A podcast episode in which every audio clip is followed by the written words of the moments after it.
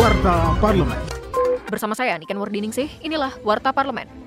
Anggota Komisi 9 DPR RI, Ali Fudin, mendorong agar di Provinsi Papua Pegunungan tersedia layanan dan tenaga kesehatan yang terbaik, mengingat di wilayah tersebut belum ada rumah sakit setingkat provinsi. Ali Fudin mengatakan, Provinsi Papua Pegunungan membutuhkan perbaikan sarana dan penyediaan alat kesehatan serta tenaga kesehatan yang memadai. Ia berharap pemenuhan kebutuhan di sektor kesehatan dapat dipercepat seiring sudah disahkannya Undang-Undang Kesehatan. Warta Parlemen. Saat rapat kerja dengan Menteri Ketenagakerjaan baru-baru ini, Ketua Komisi 9 DPR RI, Feli Estelita Runtuene, mempertanyakan kepastian perlindungan kesejahteraan sosial bagi pekerja migran Indonesia tidak resmi.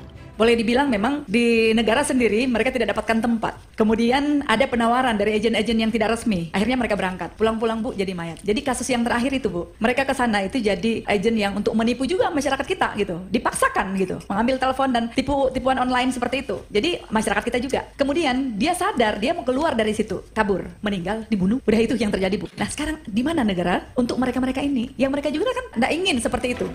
Informasi selengkapnya kunjungi laman dpr.go.id.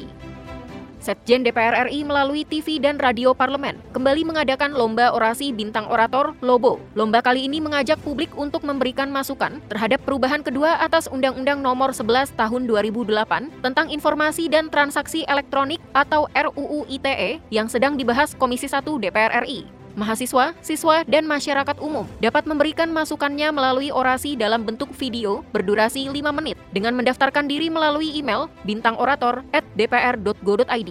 Pendaftaran ditutup tanggal 15 Oktober 2023. Televisi Radio Parlemen. Demikian Warta Parlemen, Produksi Televisi dan Radio Parlemen, Biro Pemberitaan Parlemen, Setjen DPR RI.